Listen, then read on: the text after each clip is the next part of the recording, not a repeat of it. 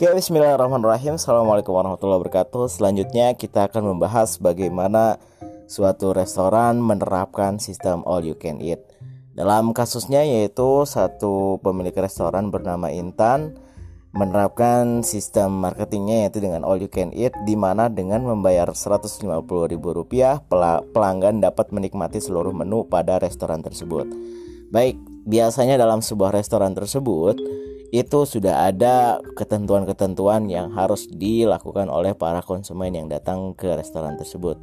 Yang pertama, akan ada batasan waktu kepada seluruh konsumen, yaitu biasanya mungkin ketika seorang konsumen datang ke restoran tersebut uh, hanya mendapatkan kesempatan untuk masuk sekali dan tidak boleh keluar lagi. Jika konsumen keluar, maka ketika masuk harus ada uh, transaksi untuk kedua kalinya karena sudah keluar dari area all you can eat tersebut.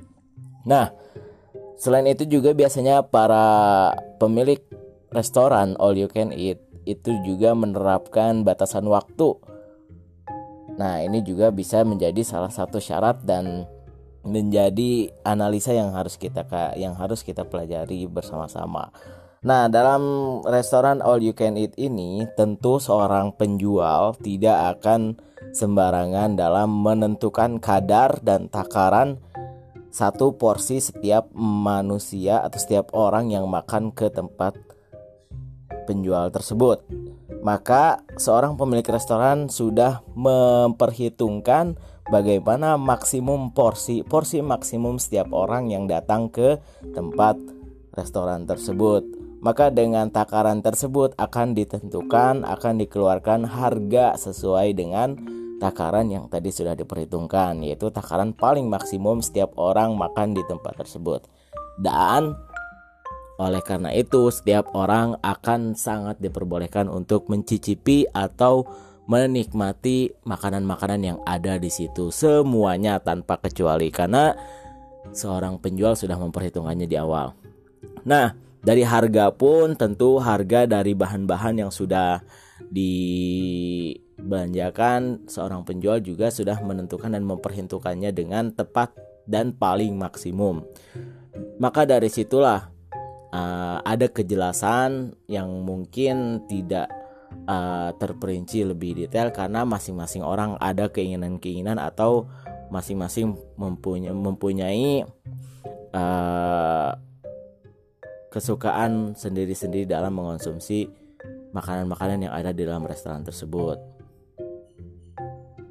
Nah, ini juga yang harus kita ketahui bahwa uh, seorang penjual dan pembeli itu juga harus memiliki saling ridho antara satu sama lain. Seorang penjual menyediakan restoran all you can eat itu artinya ada keridoan dan keinginan tanpa ada paksaan untuk membuka restoran tersebut dan seorang konsumen.